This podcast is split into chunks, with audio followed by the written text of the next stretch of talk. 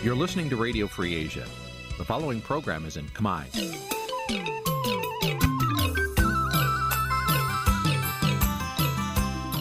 នេះជាកម្មវិធីផ្សាយ Vuthu Azizi Serai នេះជាកម្មវិធីផ្សាយរបស់ Vuthu Azizi Serai ជាភាសាខ្មែរ Vuthu Azizi Serai សូមស្វាគមន៍លោកអ្នកនាងទាំងអស់ពីរដ្ឋធានី Washington នៃសហរដ្ឋអាមេរិក។ចាប់ ផ្សាយផ្ទាល់ពីរដ្ឋធានី Washington នាងខ្ញុំខែសុណងសូមជម្រាបសួរលោកនាងកញ្ញាប្រិយមិត្តអ្នកស្ដាប់និងអ្នកទស្សនាការផ្សាយរបស់វិទ្យុអាស៊ីសេរីទាំងអស់ជាទីមេត្រីចា៎នាងខ្ញុំសូមជូនកម្មវិធីផ្សាយសម្រាប់យប់ថ្ងៃប្រហ័ស5កើតខែមករាឆ្នាំឆ្លូវត្រីស័កពុទ្ធសករាជ2565ដែលត្រូវនៅថ្ងៃទី9ខែធ្នូគ្រិស្តសករាជ2021ចា៎ជាដំបូងនេះសូមអញ្ជើញលោកនាងស្ដាប់ព័ត៌មានប្រចាំថ្ងៃដែលមានមេតិការដូចតទៅ thank you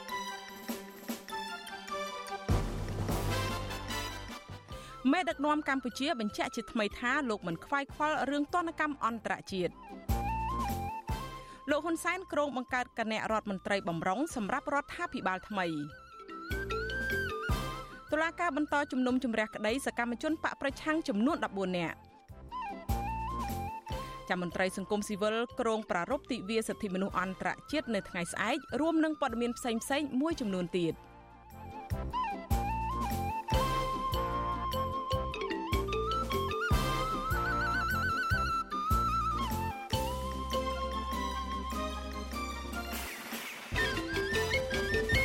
ចាជាបន្តទៅនេះនាងខ្ញុំខែសុណងសូមជូនព័ត៌មានទាំងនេះពិស្ដាចាលោកនាងជាទីមេត្រីលោកនាយករដ្ឋមន្ត្រីហ៊ុនសែនប្រកាសជាថ្មីថាលោកមិនខ្វល់រឿងទណ្ឌកម្មអន្តរជាតិលើរដ្ឋាភិបាលរបស់លោកនោះទេមន្ត្រីបកប្រឆាំងនិងអ្នកវិភាគយល់ថាអំណួតរបស់លោកហ៊ុនសែននេះនឹងធ្វើឲ្យប្រទេសប្រជាធិបតេយ្យធំធំដាក់បន្តដាក់ទណ្ឌកម្មលើមន្ត្រីរដ្ឋាភិបាលបន្ថែមទៀតដែលអាចធ្វើឲ្យប្រឆាផ្ទៃក្នុងបកកាន់អំណាចថែមទៀតផងចាប់ពីរដ្ឋធានី Washington លោកសេកបណ្ឌិតរាយការណ៍ព័ត៌មាននេះ មេដឹកនាំរដ្ឋាភិបាលឯកបៈលោកហ៊ុនសែនថ្លែងសារឌឺដងទៅអន្តរជាតិដែលនិយមប្រជាធិបតេយ្យថាការដាក់ទណ្ឌកម្មបង្កកទ្រព្យសម្បត្តិលើមន្ត្រីកម្ពុជាកម្ពុជារបស់លោកកន្លងមកគ្មានអ្វីគួរឲ្យខ្វាយខ្វល់នោះទេព្រោះលោកថាពួកគេគ្មានលុយទុកនៅបរទេសឡើយលោកហ៊ុនសែនថែមទាំងអគុណចំពោះការដាក់ទណ្ឌកម្មទាំងនោះទៀតផងព្រោះលោកជឿថាអ្នកដែលទទួលរងទណ្ឌកម្មនឹងទុកលុយរកស៊ីក្នុងស្រុកវិញ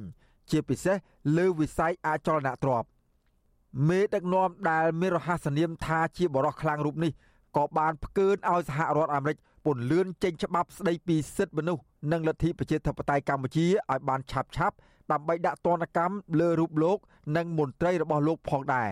អញ្ចឹងបានជាបរទេសខ្លះអារឿងដាក់តន្តកម្មលើខ្មែរដកទ្រព្យសម្បត្តិស្អីជនជាតិខ្មែរនៅប្រទេសរបស់ខ្លួនអញ្ចឹងដកផេះអីខ្ញុំសួរ ដកផេះអីបើពួកអស់ទាំងហ្នឹងអត់ដែលមានទ្រព្យសម្បត្តិនៅក្នុងប្រទេសនោះមកនោះទោះបីប្រកាស500ដងទៀតហើយចាំ500ជាតិក៏ពួកហ្នឹងវាអត់មានលុយរងដែរដាក់ហ្នឹងវាគ្រាន់តែជាសញ្ញានយោបាយទៅប៉ុណ្្នឹងទេទោះបីដាក់មកលើខ្ញុំដកទ្រព្យសម្បត្តិខ្ញុំតើខ្ញុំមានទ្រព្យសម្បត្តិនៅប្រទេសក្រៅទេព្រោះឃើញយកទៅបាច់ចាំនិយាយគ្នាច្រើនដែរខ្ញុំឌឺឲ្យទៀតនិយាយពាក្យឌឺអាអ្នកណាភ្លើណា បកាច់យកទៅឲ្យគេយករបស់ទៅខ្ញុំប្រកាសឲ្យគេរឹបអស់អរិយខ្មែរណាល្ងងមិនទុកលុយអីរស់ស៊ីក្នុងស្រុកទេគិតទៅទិញផ្ទះទិញអីនៅក្រៅលោកហ៊ុនសែនប្រកាសបែបនេះនៅព្រឹកថ្ងៃទី9ខែធ្នូក្នុងឱកាសចុះត្រួតពិនិត្យការដ្ឋានសាងសង់ប្រលានយន្តហោះអន្តរជាតិថ្មី នៅស្រុកកណ្ដាលស្ទឹងខេត្តកណ្ដាលដោយលោកដាក់ឈ្មោះថាអាកាសយានដ្ឋានអន្តរជាតិដេជោក្រុងតាខ្មៅឲ្យស្របទៅនឹងគោរពងារដេជោរបស់លោក លោកហ៊ុនសែនបញ្ចេញសារបែបនេះគឺបន្ទាប់ពីរដ្ឋាភិបាលសហរដ្ឋអាមេរិកបានសម្រេចដាក់ទណ្ឌកម្មបន្ថែមទៀតលើរដ្ឋាភិបាលកម្ពុជា ដោយរដ្ឋបិទការលក់អាវុធសម្ភារៈយោធាឲ្យកម្ពុជាដោយសារបញ្ហាសិទ្ធិមនុស្សអំពើពុករលួយ និងការកើនឡើងនៅឥទ្ធិពលយោធាចិននៅប្រទេសកម្ពុជារដ្ឋមន្ត្រីក្រសួងពាណិជ្ជកម្មអាមេរិកអ្នកស្រី Gina Raimondo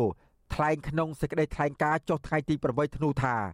សហរដ្ឋអាមេរិកនៅតែបដិញ្ញាចិត្តពេញទំហឹងរឿងឯករាជ្យនិងបូរណភាពទឹកដីរបស់កម្ពុជា អ្នកស្រីថាអាមេរិកជំរុញឲ្យរដ្ឋាភិបាលកម្ពុជាចាត់វិធានការប្រកបដោយអត្ថន័យដើម្បីដោះស្រាយបញ្ហាអំពើពុករលួយ និងការរំលោភសិទ្ធិមនុស្សនិងធ្វើយ៉ាងណា កាត់បន្ថយឥទ្ធិពលរបស់យោធាចិននៅកម្ពុជាព្រោះបញ្ហាយោធាចិននេះគំរាមកំហែងដល់សន្តិសុខតំបន់និងពិភពលោក កាលពីមួយខែមុននេះ ក្រសួងរដ្ឋាភិបាលអាមេរិកក៏បានប្រើច្បាប់ Global Magnitsky Act ដាក់ទណ្ឌកម្មលើមន្ត្រីយោធាជាន់ខ្ពស់កម្ពុជា2នាក់គឺលោកចៅភិរុនអគ្គនាយកនៃអគ្គនាយកដ្ឋានសម្ភារៈបច្ចេកទេសនៃក្រសួងការពារជាតិនិងលោកទាវិញអគ្គមេបញ្ជាការរងកងយុទ្ធពលខេមរៈភូមិន្ទ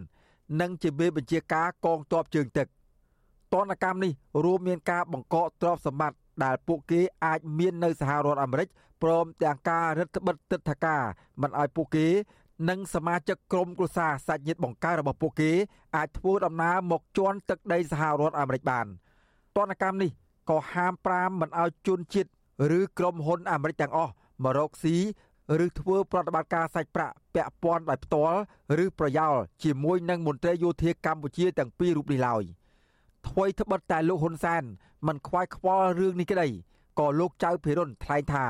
លោកព្រួយបារម្ភព្រោះកូនកូនរបស់លោក បានរស់នៅ និងរៀនសូត្រនៅ ប្រទេសលោកសេរីសមាជិកគណៈបកសង្គ្រោះជាតិដែលកំពុងភៀសខ្លួននៅក្រៅប្រទេស លោកមនផល្លាថ្លែងថាក្រមប្រទេសប្រជាធិបតេយ្យធំធំនឹងបន្តដាក់ទណ្ឌកម្មធ្ងន់ធ្ងរលើរដ្ឋាភិបាលលោកហ៊ុនសែនដោយសារតែអំពើពុករលួយ និងការរំលោភសិទ្ធិមនុស្សឥតស្រាកស្រាន លោកជឿថាការដាក់ទណ្ឌកម្មនេះនឹងធ្វើឲ្យប៉ះពាល់ក្រមមន្ត្រីរបស់លោកហ៊ុនសែនហើយឈានដល់ការប្រេះឆាគ្នាផ្ទៃក្នុងបកកណ្ដាលអំណាចព្រោះទាំងក្រមគ្រួសារលោកហ៊ុនសែននិងក្រមគ្រួសារមន្ត្រីក្រាក់ក្រាក់ទាំងនោះសុទ្ធតែមានទ្រព្យសម្បត្តិមហាសាលដែលលាក់ទុកនៅក្រៅប្រទេស។ ឆ្លើយបែបនេះមិនស័ក្តិសមជាមេដឹកនាំដែលទទួលខុសត្រូវចំពោះប្រទេសជាតិចំពោះសហការីរបស់ខ្លួននោះទេគាត់ឆ្លើយយករួចខ្លួន មានន័យថាគាត់អត់ទទួលខុសត្រូវចំពោះសមាជិកសមាជិការបស់គាត់នៅក្នុងការជួយជ្រោមជ្រែងនៃការកាន់អំណាចរបស់គាត់ដូច្នេះហើយខ្ញុំគិតថាការដាក់ទណ្ឌកម្មនេះវាជះឥទ្ធិពលធ្ងន់ធ្ងរណាស់សម្រាប់កម្ពុជាយើងទាំងមូលមិនមែនសម្រាប់តែជួរមន្ត្រីប្រមាណអ្នកនោះទេវាជាមុខមាត់របស់ជាតិផងដែរដែលនៅក្នុងអាណត្តិដឹកនាំរបស់ខ្លួនធ្វើឲ្យជាប់នៅបញ្ហាបញ្ជីខ្មៅនៃស្រដៀងគ្នានេះដែរក្រមអ្នកតាមដានស្ថានភាពនយោបាយនិងអ្នកការពារសិទ្ធិមនុស្សជឿជាក់ថាសហរដ្ឋអាមេរិកនឹងមិនបន្ធូរដៃទេប្រសិនបើរដ្ឋាភិបាលមិនព្រមស្ដារលទ្ធិប្រជាធិបតេយ្យគោរពសិទ្ធិមនុស្សនិងមិនបញ្ឈប់នយោបាយការបរទេសលំអៀងទៅរកប្រទេសចិនទេនោះ អ្នកនាំពាក្យសមាគមអាត6លោកសឹងសានករណាលើកឡើងថារដ្ឋាភិបាលគួរតែបើកលំហប្រជាធិបតេយ្យនិងការគោរពសិទ្ធិមនុស្សឡើងវិញព្រោះជាក្តីប្រាថ្នារបស់ប្រជាពលរដ្ឋគ្រប់រូបលោកបារម្ភថាប្រសិនបើរដ្ឋាភិបាលនៅតែបន្តបដិសេធទៀតសហរដ្ឋអាមេរិករួមទាំងប្រទេសសម្ព័ន្ធមិត្តរបស់អាមេរិកអាចនឹងពង្រីកទណ្ឌកម្មបន្ថែមទៀតលើរដ្ឋាភិបាល និងប្រទេសកម្ពុជា។ កាន់តែមានការព្រួយបារម្ភណាព្រោះអ្វីអ្វីអាចនឹងមានការប៉ះពាល់ទៅដល់ថ្នាក់ដឹកនាំឬក៏រដ្ឋាភិបាលប្រទេសយើងទេហើយកាលណាមានបញ្ហាមកទៅដល់ថ្នាក់ដឹកនាំរដ្ឋាភិបាលក៏ដូចជាមុខមាត់ប្រទេសយើងក៏វាធ្វើឲ្យប៉ះពាល់ទៅដល់ពលរដ្ឋដែលរស់នៅក្នុងប្រទេសយើងនឹងផងដែរជាមួយគ្នានេះអ្នកវិភាគនយោបាយលោកកឹមសុខយល់ថា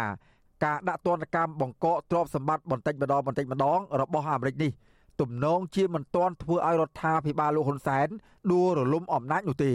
ព្រោះពួកគេនៅតែមានទ្រព្យសម្បត្តិមហាសាលតាមរយៈការលាងលុយកខ្វក់នៅកម្ពុជា ដែលអាចជួយទ្រទ្រង់អំណាចបានរយៈពេលវែងតទៅទៀតប៉ុន្តែលោកជឿថាភាពអំនួតរបស់លោកហ៊ុនសែននេះនឹងធ្វើឲ្យសហរដ្ឋអាមេរិករួមទាំងក្រមប្រទេសប្រជាធិបតេយ្យធំធំផ្សេងទៀតនឹងពង្រីកទណ្ឌកម្មបន្ថែម ដែលធ្វើឲ្យរដ្ឋាភិបាលនិងប្រទេសកម្ពុជាទាំងមូល ជួបវិបត្តិសេដ្ឋកិច្ចនិងសង្គមធ្ងន់ធ្ងរ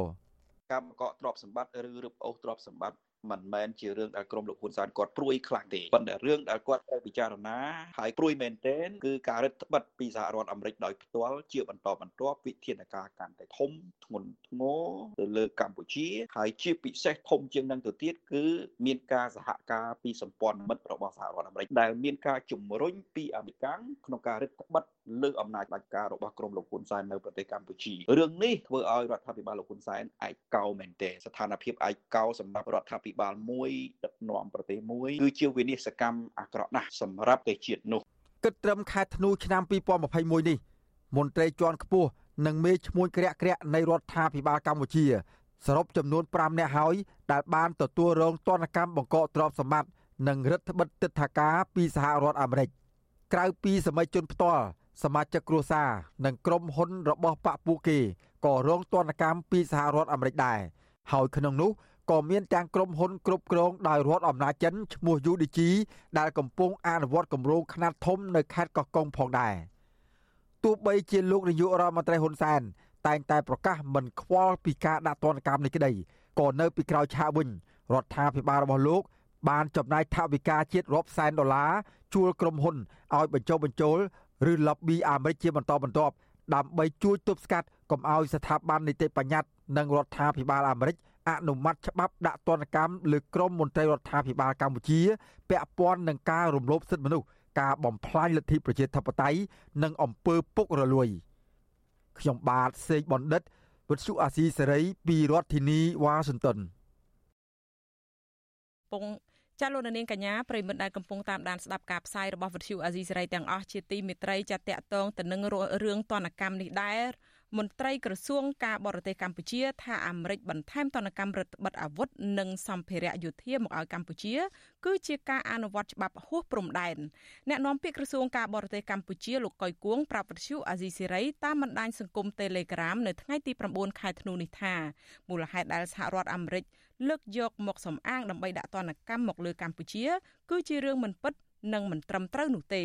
លោកកុយគួងគូបញ្ជាក់ថាកម្ពុជាប្រកាន់ខ្ជាប់ជានិច្ចនៅគោលការណ៍អព្យាក្រឹតអចិន្ត្រៃយ៍ដែលមានអធិបតេយ្យដែលមានអធិបតេយ្យនិងឯករាជ្យពេញលេញដោយមានចែងនៅក្នុងរដ្ឋធម្មនុញ្ញជាច្បាប់កម្ពុជាលោកចោទសហរដ្ឋអាមេរិកថាជាអ្នកជ្រៀតជ្រែកកិច្ចការផ្ទៃក្នុងកម្ពុជាដោយសារអនុវត្តច្បាប់ហួសព្រំដែននិងយុត្ថាធិការរបស់ខ្លួនលើអិសរាជជនឬស្ថាប័នកម្ពុជា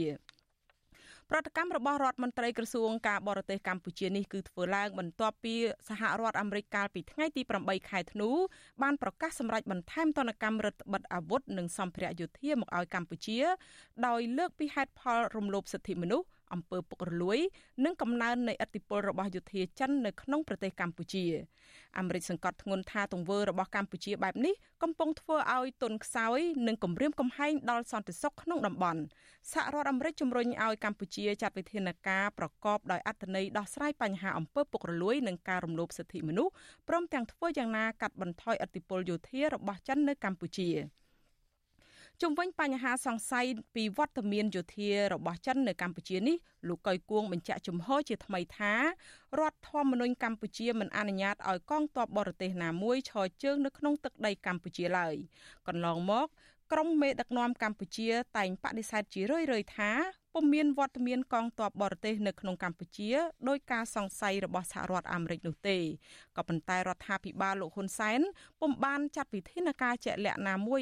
បង្ហាញអំពីដំណាភាពនៅក្នុងរឿងនេះដើម្បីឲ្យគ្រប់ភាគីទាំងអស់អស់ការសង្ស័យនោះឡើយជាពិសេសគឺពាក់ព័ន្ធទៅនឹងបញ្ហាសកម្មភាពរបស់ចិននៅកំពង់ផែកងទ័ពជើងទឹករៀមនៅខេត្តបរសេនុនិងនៅតំបន់តារាសាគរនៃខេត្តកោះកុង ចាលោកនាងកញ្ញាជាទីមេត្រីលោកនាយករដ្ឋមន្ត្រីហ៊ុនសែនបានថ្លែងវាយប្រហារសហរដ្ឋអាមេរិកនិងប្រទេសលោកខាងលិចមួយចំនួនដែលធ្លាប់បានគ្រប់គ្រងអាសនៈរបស់របបកម្ពុជាប្រជាធិបតេយ្យឬរបបខ្មែរក្រហមនៅអង្គការសហប្រជាជាតិ ក្រោយពេលដែលខ្មែរក្រហមត្រូវបានកងទ័ពវៀតណាមផ្ដួលរំលំនៅថ្ងៃទី7ខែមករាឆ្នាំ1979ការថ្លែងនេះគឺនៅពេលដែលលោកហ៊ុនសែនចូលរួមពិធីសម្ពោធដាក់ឲ្យប្រើប្រាស់ស្ពានមិត្តភាពកម្ពុជាចិនស្ទឹងត្រង់ក្រូចឆ្មាដែលជាអំណោយរបស់ប្រទេសចិន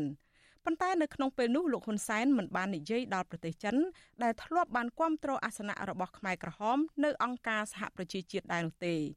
តើលោកហ៊ុនសែនកំពុងព្យាយាមការពារចិនបិទបាំងប្រវត្តិសាស្ត្រឬយ៉ាងណាចាលោកនាងនឹងបានស្ដាប់បទវិភាគអំពីបញ្ហានេះនៅពេលបន្តិចទៀតនេះចា៎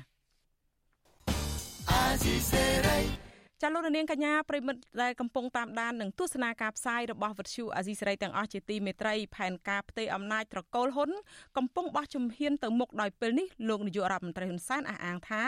លោកបានរៀបចំគណៈរដ្ឋមន្ត្រីបំរុងមួយសម្រាប់ក្មេងចំនួនក្រោយដែលមានអាយុក្រោម60ឆ្នាំអ្នកវិភាគនិងមន្ត្រីគណៈបកប្រឆាំងរិះគន់ថាគម្រោងនេះមិនមែនជាការផ្ទេរអំណាចទៅអ្នកចំនួនក្រោយទេប៉ុន្តែជាផែនការផ្ទេរអំណាចបន្តពូជរបស់ត្រកូលហ៊ុនចាប់ពីរដ្ឋធានី Washington លោកទីនហ្សាការីយ៉ារាយការណ៍ព័ត៌មាននេះលន់សានប្រាប់ដល់ក្រុមឈ្មួញធំធំកុំឲ្យបារម្ភចំពោះផែនការផ្ទេរអំណាចនេះព្រោះអ្នកបន្តវេនទាំងនោះជាកូនចៅរបស់មេដឹកនាំគណៈបកកាន់អំណាចដដែល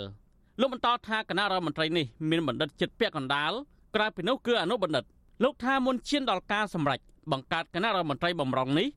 លោកបានកោះហៅមេដឹកនាំបកសំខាន់សំខាន់ដូចជារដ្ឋមន្ត្រីក្រសួងមហាផ្ទៃលោកសខេងរដ្ឋមន្ត្រីក្រសួងការពារជាតិលោកទាបាញ់ ប្រធានប្រសិទ្ធិលោកសាយឈុំនិងរដ្ឋមន្ត្រីក្រសួងតំណែងតំណងប្រសិទ្ធិរដ្ឋសភានិងអធិការកិច្ចនៅស្រីម៉ានសំអនទៅប្រជុំនៅផ្ទះរបស់លោកលោកបញ្ជាក់ថាលទ្ធផលនឹងកាន់តែច្បាស់នាថ្ងៃទី24ធ្នូខាងមុខក្នុងកិច្ចប្រជុំគណៈកម្មាធិការកណ្ដាលដើម្បីពិនិត្យលើបេក្ខភាពអ្នកបន្តវេនខ្ញុំអត់បង្ហាញនៅក្រៅទេវាមនុស្សប្រមាណនេះខ្ញុំមិនបង្ហាញឲ្យនរណាដឹងគណៈរដ្ឋមន្ត្រីថ្មីមួយត្រូវបានរៀបចំត្រៀមរួចហើយ សម្រាប់ពួកក្មេងចំនួនក្រោយផ្ដាំទៅណែឯងទៅហើយអាយុជាសង្ដាគឺថាក្រោម60ក្រោម60ពួកយើងដល់ពេលហ្នឹងពួកគេថាពួកយូអាយុ70ហើយនឹងយូយូ80តាមដើរចេញលន់សានថ្លែងដូចនេះក្នុងពិធីចុះត្រួតពិនិត្យការដ្ឋានសាងសង់ប្រលានយន្តហោះអន្តរជាតិភ្នំពេញថ្មី នៅខេត្តកណ្ដាលដែលប្រលានយន្តហោះថ្មីនេះបានដាក់ឈ្មោះថាអាកាសយានដ្ឋានអន្តរជាតិដេជោក្រុងតាខ្មៅ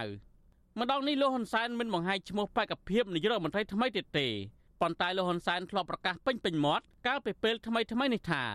លោកគាំទ្រកូនប្រុសច្បងរបស់លោកគឺហ៊ុនម៉ាណែតជាបេក្ខភាពនាយករដ្ឋមន្ត្រីសម្រាប់ការបោះឆ្នោតឆ្នាំ2028តើតើនៅរឿងនេះតំណាងរាជគណៈបកសង្គ្រោះជាតិដែលកំពុងតែរស់នៅសហរដ្ឋអាមេរិកលោកអ៊ំសំអានយល់ថាលោកហ៊ុនសែនបានបង្ខំឲ្យមេដឹកនាំគណៈបកកាន់អំណាចទទួលយកលោកហ៊ុនម៉ាណែតជាបេក្ខភាពនាយករដ្ឋមន្ត្រី ដែលផ្ដល់ផលប្រយោជន៍ដល់កូនកូនមេដឹកនាំទាំងនោះដែរលោកបន្តទៀតថាដើម្បីសម្រេចផែនការនេះលោកហ៊ុនសែននឹងរៀបចំការបោះឆ្នោតคล้ายៗទាំងនៅក្នុងផ្ទៃក្នុងបកនិងការបោះឆ្នោតជ្រើសតាំងតំណាងរាស្ត្រ មនុស្សគាត់ស្លាប់គាត់ចង់ឲ្យឃើញកូនគាត់នឹងខ្លាចជានាយករដ្ឋមន្ត្រីសិនហើយជួយគាត់អាចអំណាចគាត់ក្នុងដៃគឺគាត់គម្រាមមន្ត្រីទាំងអស់ហ្នឹងឲ្យទទួលយកលោកហ៊ុនម៉ាណែតជាបេក្ខជននាយករដ្ឋមន្ត្រីហើយគាត់ក៏មានឲ្យនឹងដោយអត់អត់ផ្ដល់ផលប្រយោជន៍ទៅដល់អ្នកទាំងអស់ហ្នឹងដែរគឺថាអាចកូនលោកសោខេហ្នឹងជាឧបនាយករដ្ឋមន្ត្រីកូនលោកទាបាញ់ហ្នឹងជារដ្ឋមន្ត្រីអញ្ចឹងខ្ញុំនិយាយថាគាត់ឲ្យឲ្យផលប្រយោជន៍ទៅអ្នកទាំងអស់ហ្នឹងទោះជាយ៉ាងណាមន្ត្រីបកប្រឆាំងរូបនេះយល់ថាផែនការផ្ទេរអំណាចតពុយពងវងត្រកូលនេះ គឺមានគ្រោះថ្នាក់ដល់បកកណ្ដាលអំណាចនិងបង្កការបែកបាក់ផ្ទៃក្នុងបកថែមទៀតផងរីឯអ្នកវិភាគនយោបាយក៏យល់ឃើញប្រហាក់ប្រហែលនឹងមន្ត្រីបកប្រឆាំងនេះដែរអ្នកវិភាគនយោបាយដែលកំពុងតែភៀសខ្លួននៅប្រទេសហ្វាំងឡង់លោកកឹមសុខលើកឡើងថាការប្រកាសរបស់លោកហ៊ុនសែនគាំទ្របេក្ខភាពហ៊ុនម៉ាណែតបានធ្វើឲ្យគណៈបកកណ្ដាលអំណាចមានចំនួនផ្ទៃក្នុងបកលោកបន្តថាលោកហ៊ុនសែនបានព្យាយាមសម្របសម្រួលគ្នាពីរឿងនេះលោកកឹមសុខបន្ថែមថាលោកហ៊ុនសែនបានព្យាយាមប្រើប្រាស់អំណាចផ្ដាច់ការរបស់ខ្លួន ដើម្បីគៀបសង្កត់មន្ត្រីជាន់ខ្ពស់នៅក្នុងបកក្នុងការគ្រប់គ្រងកូនប្រុសរបស់លោកលោកប្រើប្រាស់តឡាការអង្គភាពប្រឆាំងអំពើពុករលួយនិងកងកម្លាំងផ្ដាល់អាវុធដើម្បីបង្ខំឲ្យក្បាលម៉ាស៊ីនរបស់គណៈបកប្រជាជនកម្ពុជាយល់ព្រមទទួលយកបេក្ខភាពហ៊ុនម៉ាណែត គាត់បានជោគជ័យមួយកម្រិតធំទៅហើយនៅក្នុងផ្ទៃក្នុងពីព្រោះអ្នកដែលព្រមក៏សบายចិត្តនឹងព្រមមួយចំនួនតូចហ្នឹងហើយអ្នកដែលមិនព្រមក៏ត្រូវតែចរចាពីព្រោះលោកហ៊ុនសែនប្រកាសគម្រាមធ្វើសង្គ្រាមហើយគាត់ថែមទាំងចង្អុលចំមុខលោកសខេងនិងអ្នកផ្សេងផ្សេងទៀតថាគាត់ដឹងអស់ហើយលោកកំសុកនឹងឡើងទៀតថាបើផ្អែកលើសុខភាពលោកហ៊ុនសែនផែនការផ្ទេរអំណាចនេះគឺលោកហ៊ុនសែននឹងរកឲ្យបានលឿនពលគឺមុនការបោះឆ្នោតឆ្នាំ2028 នៅរយៈពេលចុងក្រោយនេះលោកហ៊ុនសែនបានប្រកាសជាសាធារណៈគាំទ្រលោកហ៊ុនម៉ាណែតជាបេក្ខភាពនាយករដ្ឋមន្ត្រីក្នុងចំណោមបេក្ខភាពផ្សេងទៀតភ្លាមភ្លាមក្រោយការប្រកាសនេះមន្ត្រីហែហោមមួយចំនួនក៏បានធ្វើញត្តិគាំទ្រតាមលោកហ៊ុនសែនដែរទោះបីជាយ៉ាងណាលោកសខេងរដ្ឋមន្ត្រីក្រសួងមហាផ្ទៃនឹងជាអនុប្រធានគណៈបកប្រជាជនកម្ពុជាផងនោះបានចេញលិខិតមួយកាលពីថ្ងៃទី7ធ្នូ បញ្ជាក់ចំហរបស់លោកថាការជ្រើសរើសបេក្ខភាពនាយករដ្ឋមន្ត្រីនៅពេលអនាគតលោកក៏នឹងគោរពតាមការសម្រេចរបស់គណៈបកប្រជាជនកម្ពុជាលោកសោកខេងមិនបញ្ជាក់ថាលោកគាំទ្របេក្ខភាពហ៊ុនម៉ាណែតនោះទេនិវិភាននយោបាយបណ្ឌិតឡាវមង្ហៃសរសេរលើ Facebook ថាសាររបស់លោកសោកខេងជាការបញ្ជាក់កាន់តែច្បាស់ថាលោកសោកខេងជាមនុស្សប្រកាន់នូវគោលការណ៍ហើយនេះគឺល្អសម្រាប់អ្នកនយោបាយខ្មែរនិវិភាគជើងចាស់រូបនេះរំលឹកទស្សនៈរបស់លោកមហាថ្មកន្ធីមេដឹកនាំឥណ្ឌាថា នយោបាយដោយគ្មានគោលការណ៍គឺជាបាបកម្មសង្គមខ្ញុំទីនសាការីយ៉ាអសិរ័យប្រធានីវ៉ាស៊ីនតោន ចាលោកនាងកញ្ញាប្រិយមិត្តអ្នកស្ដាប់និងអ្នកទស្សនាការផ្សាយរបស់វិទ្យុអាស៊ីសេរីទាំងអស់ជាទីមេត្រីអ្នកវិភាគខ្លះអះអាងថាលោកហ៊ុនម៉ាណែតមិនមែនជាបុគ្គលដែលមានចរិតសម្បត្តិល្អសម្រាប់ដឹកនាំកម្ពុជានៅពេលអនាគតឡើយពួកគេលើកឡើងថាលោកហ៊ុនម៉ាណែតទោះបីជាធ្លាប់សិក្សានៅប្រទេសលោកសេរីក៏ដោយក៏លោកនៅតែមានចរិតដឹកនាំដើរតាមគន្លងឪពុករបស់លោកតាមបែបផ្ដាច់ការឬស្លឹកឈើជ្រុះមិនឆ្ងាយពីគល់ដដែល ចុះសម្រាប់លោកសំរងស៊ីប្រធានស្ដីទីគណៈបកសង្គ្រោះជាតិដែលជាដៃគូប្រកួតប្រជែងដ៏ស្វិតស្វាញជាមួយលោកនាយករដ្ឋមន្ត្រីហ៊ុនសែនជាង20ឆ្នាំវិញ តើលោកមើលឃើញបែបណាចំពោះបេក្ខភាពនាយករដ្ឋមន្ត្រីរបស់លោកហ៊ុនម៉ាណែតនេះចាសូមលោកនាងរងចាំស្ដាប់នេតិវេទិកាអ្នកស្ដាប់វិទ្យុអាស៊ីសេរីដែលនឹងជជែកអំពីបញ្ហានេះនៅយប់ថ្ងៃសុក្រទី10ធ្នូស្អែកនេះកុំបីខានឡើយហើយប្រសិនជាលោកនាងមានជាសំណួរឬក៏មតិយោបល់មកកាន់កម្មវិធីផ្សាយឬក៏ភ្ញៀវរបស់យើងលោកនាងអាចដាក់លេខទូរស័ព្ទរបស់លោកអ្នកនៅក្នុងខ្ទង់ comment ឬក៏ប្រអប់សារ Messenger Facebook អាស៊ីសេរីហើយក្រុមការងាររបស់យើងនឹងហៅត្រឡប់ទៅលោកនាងវិញចាសសូមអរគុណអា ស៊ីសេរីចាលោកនាងកញ្ញាជាទីមេត្រីចាងាកមកការប្រពៃពិធីទិវាសិទ្ធិមនុស្សអន្តរជាតិ10ធ្នូឯនេះវិញចាសាលារដ្ឋធានីភ្នំពេញបានអនុញ្ញាតឲ្យក្រុមអង្គការសង្គមស៊ីវិលជាង30ស្ថាប័នរៀបចំទិវាសិទ្ធិមនុស្សអន្តរជាតិ10ធ្នូនៅថ្ងៃទី10ស្អែកនេះហើយចាប៉ុន្តែមិនអនុញ្ញាតឲ្យជួបជុំគ្នាជាទ្រង់ទ្រាយធំនោះទេពលគឺអនុញ្ញាតឲ្យចូលរួមតែ200នាក់ប៉ុណ្ណោះតាមគម្រោងអង្គការសង្គមស៊ីវិលចង់ប្រមូលផ្ដុំជួបជុំគ្នាប្រមាណ500នាក់ តើអង្គការសង្គមស៊ីវិលមានប្រតិកម្មយ៉ាងណាចំពោះការរដ្ឋបិទរបស់សាលាក្រុងនេះហើយថាតើគម្រោងរៀបចំទិវាសិទ្ធិមនុស្សអន្តរជាតិ10ធ្នូនៅទីលានប្រជាធិបតេយ្យនេះនឹងមានរៀបចំអ្វីខ្លះនោះចាឥឡូវនេះយើងបានភ្ជាប់ទៅអ្នកនាំពាក្យសមាគមការពារសិទ្ធិមនុស្សអាត់ហុកគឺលោកសឹងសែនករណាដែលលោកនឹងចូលមករៀបរាប់បន្ថែមអំពីបញ្ហានេះនេះខ្ញុំសូមជំរាបសួរលោកសឹងសែនករណាចាបាទសូមជម្រាបសួរបងស្រីសំណងហើយក៏សូមជម្រាបសួរប្រិយមិត្តអ្នកស្ដាប់ វិទ្យុអស៊ីសេរីទាំងអស់គ្នាផងដែរបាទចាលោកករណាតកតងទៅនឹងពិធីរៀបចំ10ធ្នូនៅថ្ងៃស្អែកនឹងតើនឹងតាមគម្រោងដែលថាជួបជុំគ្នានៅទីលានប្រជាធិបតេយ្យប្រមាណ200នាក់ហ្នឹងតើនឹងរៀបចំអីដូចម្ដេចខ្លះឬក៏មានការផ្លាស់ប្ដូរអ្វីយ៉ាងណាដែរលោកចាបាទ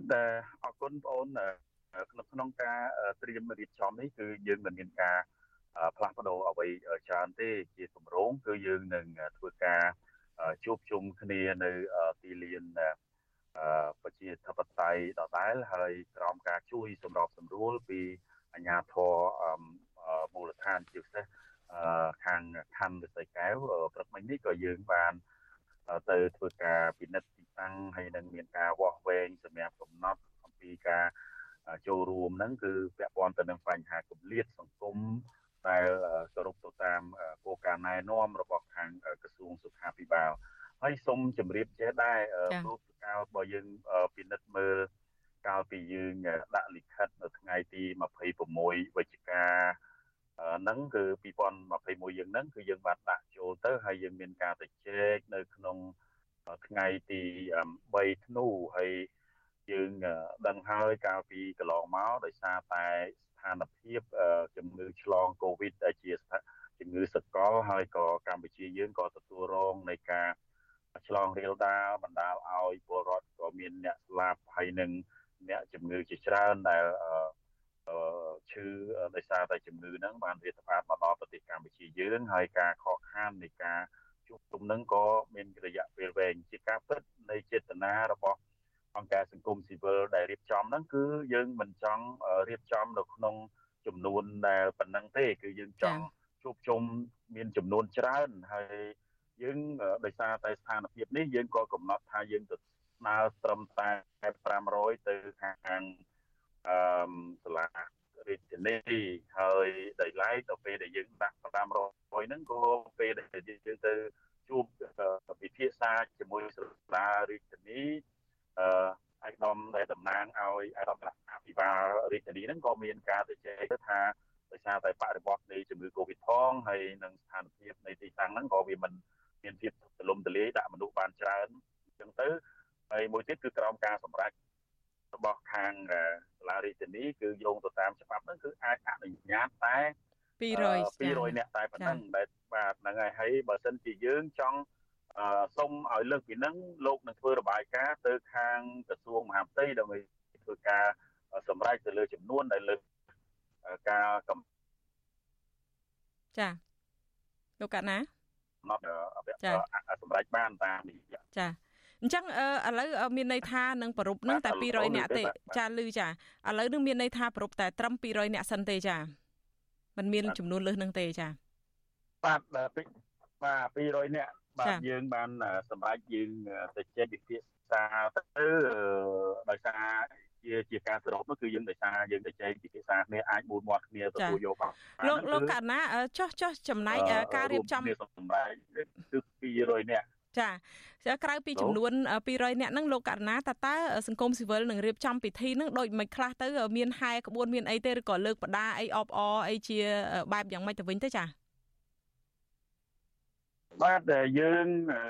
ក្នុងការរៀបចំជាកម្មវិធីនោះដោយសារតែស្ថានភាពដូចខ្ញុំលើកហ្នឹងគឺពាក់ព័ន្ធទៅនឹងបញ្ហា Covid ផងខ្ញុំសូមបញ្ជាក់តិចដែរដោយសារយើងរៀបហ្នឹងគឺមានការឯកភាពគ្នាអញ្ចឹងគឺសាលារាជធានីគេផ្ដល់មានរថយន្តសង្គ្រោះមានអីត្រៀមហើយការថែការការពារសុវត្ថិភាពខាងក្រៅហើយយើងធានាការការពារសុវត្ថិភាពនិងសន្តិសុខខាងក្នុងហើយក្នុងហ្នឹងនៅពេលដែលមានបញ្ហាគឺមានការជួយមានឡានសង្គ្រោះអីចឹងទៅ ហើយមួយទៀតនោះគឺកម្មវិធីយើងយើងប្រព្រឹត្តទៅគឺពាក់ព័ន្ធទៅនឹងប្រធានបទធំរបស់យើងគឺស្ដារស្ថានភាពសិទ្ធិមនុស្សហើយនិងលទ្ធិប្រជាធិបតេយ្យក្នុងបរិបទ COVID អញ្ចឹងដោយសារតែយើងមើលឃើញយើងដឹងហើយបរិបទ COVID នេះយើងឃើញមានការរិះគន់ជាច្រើនទៅលើការរំលោភទៅលើសិទ្ធិមនុស្សហើយនិងប្រជាធិបតេយ្យដែលកន្លងមកយើងឃើញទាំងសហគមន៍ជាតិអន្តរជាតិទទូចស្នើឲ្យមានការ បើកនៅលំហសេរីភាពពាក់ព័ន្ធនឹងការគោរពសិទ្ធិមនុស្សហើយនិងប្រជាធិបតេយ្យនេះអញ្ចឹងពាក់ព័ន្ធនឹងកម្មវិធីរបស់យើងគឺយើងនៅតែបន្តហើយមានការអញ្ជើញចូលរួមពីបណ្ដាទូតមួយចំនួនដែលបានបញ្ជាក់មកហើយចា៎ពិសេសទូតលោកសេរីហើយនិងខាងឧត្តមស្នងការអង្គការសហជីវជាតិទទួលបន្ទុកផ្នែកសិទ្ធិមនុស្សដែលនឹងចូលរួមហើយកម្មវិធីយើងជាកម្រងនោះគឺយើងមានការអញ្ជើញពី សហគមន៍ពាក់ព័ន្ធដែលទៅនឹងការរំលោភបំពានទៅលើសិទ្ធិសេរីភាពបញ្ចេញមតិទៅលើការការពារនៅធនធានធម្មជាតិហើយនៅទៅលើការរំលោភទៅនឹងរឿងដែលពាក់ព័ន្ធទៅនឹងសិទ្ធិមនុស្សផ្សេងផ្សេងទៀតហ្នឹងគឺយើងអញ្ជើញពួកគាត់ដើម្បីថ្លែងសារអ្វីដែលគាត់ទទួលរងការរដ្ឋការ លោកកណាដូចជាស្ដាប់មិនសូវបានរៀងរៀងដាច់ដាច់ចារបស់ពួកគាត់ហ្នឹងឲ្យគាត់បញ្ចេញមតិចាថ្លែងនៅថ្ងៃក្នុងដែរចាហើយបន្ទាប់មកនេះយើងមានអញ្ចឹងបាទ ចាហើយជាបញ្ហាសេវាទូរស័ព្ទចានៅប្រហែលជាសេវាទូរស័ព្ទប៉ុន្តែសំណួរលោកកណាចាខ្ញុំខ្ញុំលឺវិញហើយប៉ុន្តែដូចជាដាច់ដាច់ដោយកន្លែងលោកកណាចាអញ្ចឹងខ្ញុំសូមបន្តមកសំណួរទៀតទេតកតងនឹងរឿង ការរៀបចំពិធីនឹងឮថាមានកម្មវិធីពិសេសមួយនឹងគឺចែកពានរង្វាន់ដល់អ្នកដែលទៅដែលកំពុងជាប់ឃុំហើយអ្នកដែលទើបតែចេញពីពន្ធនាគារនិងសកម្មជនសង្គមបរិស្ថានអីផ្សេងផ្សេងទៀតនៅខាងក្រៅពន្ធនាគារផងតើអាចប្រព្រឹត្តទៅបានទេនៅនៅទីលានប្រជាធិបតេយ្យតាមគម្រោងរបស់សង្គមស៊ីវិលនឹងឮថាខាងសាលាក្រុងនឹងមិនទាន់យល់ព្រមឲ្យធ្វើនៅឡើយទេតើខាងសង្គមស៊ីវិលនឹងទទួលបានហេតុផលយ៉ាងម៉េចពីសាលាក្រុងដែលមិនឲ្យប្រពចែកពានរង្វាន់នៅក្នុងថ្ងៃប្រពៃពិធីនឹងហើយនឹងធ្វើយ៉ាងម៉េចទៅវិញទៅចា៎បាទអរគុណចំពោះការលើកនៅសំណួរនេះនៅក្នុងកម្មវិធីដែលយើងបានផ្សព្វផ្សាយហ្នឹងគឺប៉ុន្តែមានកម្មវិធីហ្នឹងមែនកម្មវិធីយើងនឹងចែកនៅពានរង្វាន់ដែលក្រុមអង្គការសង្គមស៊ីវិលយើងមូលមាត់គ្នាដើម្បីជាការលើកទឹកចិត្តដល់ក្រុមពលរដ្ឋសកម្មដែលគាត់អនុវត្ត ក្លាហានហ៊ានអនុវត្តសិទ្ធិសេរីភាពរបស់គាត់ដើម្បីការពារនៅផលប្រយោជន៍ពាក់សង្គមជាតិទៅលើបរិស្ថានទៅលើអយុត្តិភាពអយុត្តិធម៌សង្គមឬក៏ផលប្រយោជន៍របស់សង្គមជាតិអីជាដើមហ្នឹងគឺយើងបានកំណត់ឈ្មោះមួយចំនួនប្រមាណជាង20រូបដែលយើងនឹងបកគលជូនគាត់ហើយអ្នកដែលគាត់ជាប់ឃុំគាត់មកមិនបានគឺយើងអញ្ជើញក្រុមគ្រួសារគាត់ អញ្ជើញមកទទួលតំណាងឲ្យគាត់ហើយយកវានឹងដើម្បីបង្ហាញទៅគាត់ថាគាត់មិនឯកោទេទោះបីគាត់ជាប់ឃុំក៏ដោយមានការលើកទឹកចិត្តដោយសារតែយើងមើលឃើញថាពួកគាត់បានធ្វើការអនុវត្តនូវសិទ្ធិសេរីភាពរបស់គាត់ហ្នឹងគឺក្នុងបបហេតុរួមរបស់សង្គមជាតិនឹងឯងដូចជារឿងករណីលោកឆនផល្លាជាដើមនៅខាងរតនគិរីអីហ្នឹងក៏យើងដាក់គាត់នៅក្នុងជាសកម្មជននៃ អ្នកដែលត្រូវទទួលបានពានរង្វាន់អ្នកការពារសិទ្ធិមនុស្សនៅក្នុងប៉ុន្តែលោកកណាហេតុអីបានជាខាងសាលាក្រុងមិនអនុញ្ញាតឲ្យចែកគ្រាន់តែចែកពានរង្វាន់ដល់ពួកគាត់នៅទីលានជាធិបតីមិនឲ្យចែកទៅវិញចាអឺបាទខ្ញុំក្នុងការលើកឡើងនេះយើងឃើញចេះមានការចម្រូងចម្រាសគ្នាត្រង់ហ្នឹងដែលយើងត្រូវបានអញ្ជើញទៅជួបមានខ្ញុំហើយនិងលោករស់សថាតំណាងឲ្យខាងអង្គការសម្ព័ន្ធភាពការពារសិទ្ធិមនុស្សហៅកាត់ថាច្រាក់ហ្នឹងគឺ ទៅជួបជាមួយនឹងខាងអាដាមអភិបាលរងសាលារាជធានីយើងបានទៅជែកគ្នាយើងអត់អត់បានមូលមាត់គ្នាក្នុងចំណុចនឹងឯងហើយយើងក៏មិនហ៊ានសម្រេចដែរដោយសារតែសំណើខាងសាលាក្រុងលោកស្នើឲ្យលុបចោលកម្មវិធីហ្នឹងលោកប៉ុន្តែលោកមិនចំទាស់ទេបើធ្វើនៅទីកន្លែងឯកជនប៉ុន្តែនៅទីលានជាតិតៃលោកមិនអនុញ្ញាតឲ្យយើងបានធ្វើការបញ្ជាក់ទៅជាច្រើនហើយលោកយល់ថាអ្នកទាំងអស់ហ្នឹងស្ថិតតែនៅក្នុង ក្នុងការដែលនីតិវិធីតឡាការនៅឡើយវាមិនទាន់ចប់សពគ្រប់ថាតើពួកគាត់មានទោសមិនមានទោសយ៉ាងម៉េចទេហើយប៉ុន្តែអ្នកទាំងអស់ដាក់ឲ្យស្ថិតក្រោមតឡាការទូតពិនិត្យអីទាំងអស់ហ្នឹងហើយយើងក៏បានបញ្ជាក់ទៅវិញដែរថាជាធម្មតាការមើលឃើញពីខាងជ្រុងហើយខាងអ្នកអនុវត្តច្បាប់ឬក៏ខាងរដ្ឋាភិបាលខាងអាជ្ញាធរមើលផ្សេងគ្នាប៉ុន្តែខាងអង្គការសង្គមស៊ីវិលយើងយើងមើលឃើញចេះវិញ យើងមើលឃើញថាអ្នកទាំងអស់ហ្នឹងវាសុទ្ធសឹងតែជាអ្នកដែលគាត់អនុវត្តនៅសិទ្ធិសេរីភាពរបស់ខ្លួនដើម្បីបម្រើនៅផលប្រយោជន៍របស់សង្គមជាតិទេហើយយើងយើងយល់ថាអ្វីទាំងអស់ហ្នឹងវាមិនមែនជារឿងខុសឆ្គងទេក៏ប៉ុន្តែចំណុចទាំងអស់នេះលោកនៅតែទទូចស្នើសូមឲ្យយើងលុបចោលក្នុង ក្នុងពេលដែលយើងអនុវត្តប្រពៃពិធីនៅទីលានវិជាធិបតេយ្យក៏ប៉ុន្តែយើងអាចធ្វើបានលោកមិនចំទាស់ទេនៅក្នុងការចារកំណត់ហេតុហ្នឹងគឺអាចធ្វើបាននៅទីលាននៅទីកន្លែងឯកជនអាចថាអឺកន្លែងណាមួយដែលយើងជួលក៏បាននៅទីស្នាក់ការស្ថាប័នអង្គការសមាគមណាមួយក៏បានដែរគឺលោកមិនចំទាស់ទេក៏ប៉ុន្តែនៅទីលានជាតតៃលោកមិនអនុញ្ញាតប៉ុន្តែ ក្រោយពីការទៅជ័យនឹងយើងមិនទាន់មានការសម្រេចបណ្ឌក្រោយមកយើងខាងអង្គការសង្គមស៊ីវិលលោកទុកពេលឲ្យយើងមកទៅជ័យគ្នាដែរពេលដែលយើងទៅជ័យយើងគិតថាដោយសារតែពាក្យថ្ងៃហើយក៏យើងពិបាកក្នុងការរុះរើរៀបចំទីតាំងជួលអីជូនព័ត៌មានទៅភ្ញៀវអីចុះឡើងយើងក៏សម្រាប់ថាយើងនឹងធ្វើនៅទីលានវិជាធិបតេយ្យដដែលប៉ុន្តែដែលឡែកកម្មវិធីបកលនៅពៀនរង្វាន់ទៅដល់សកម្មជនឆ្នើមការពារ សិទ្ធិមនុស្សឬក៏អនុវត្តសិទ្ធិរបស់ខ្លួននឹងយើងនៅតែបន្តធ្វើដដែលនៅទីតាំងឯកជនប៉ុន្តែយើងមិនមិនទាន់មានការជូនដំណឹងថាយើងនឹងធ្វើនៅទីតាំងណាបានទេបាទចាំមើលអឺដោយសារយើងកំពុងតែស្វែងរកដែរព្រោះវាជាថ្ងៃពេកដែរណាវាជាផលលំបាកមួយដែលយើងពិបាកក្នុងការដូរផ្លាស់ដែរបាទ ចាអរគុណច្រើនលោកសង្សានករណាដែលលោកបានរៀបរាប់ក្អស់ក្បាយអំពីបញ្ហានេះហើយយើងនឹងតាមដានមើលព័ត៌មានបន្ថែមទៀតនៅថ្ងៃស្អែកថាតើនឹងមានការវិវត្តថ្មីអ្វីបន្តទៀតជុំវិញការប្រពៃពិធីទិវាសិទ្ធិមនុស្សអន្តរជាតិ10ធ្នូពីខាងក្រុមអង្គការសង្គមស៊ីវិលនៅទីលានប្រជាធិបតេយ្យនេះចាសូមអរគុណនិងជំរាបលាលោកករណាត្រឹមប៉ុណ្ណេះសិនចាសូមជូនពរសុខភាពល្អចាបាទបាទសូមជម្រាប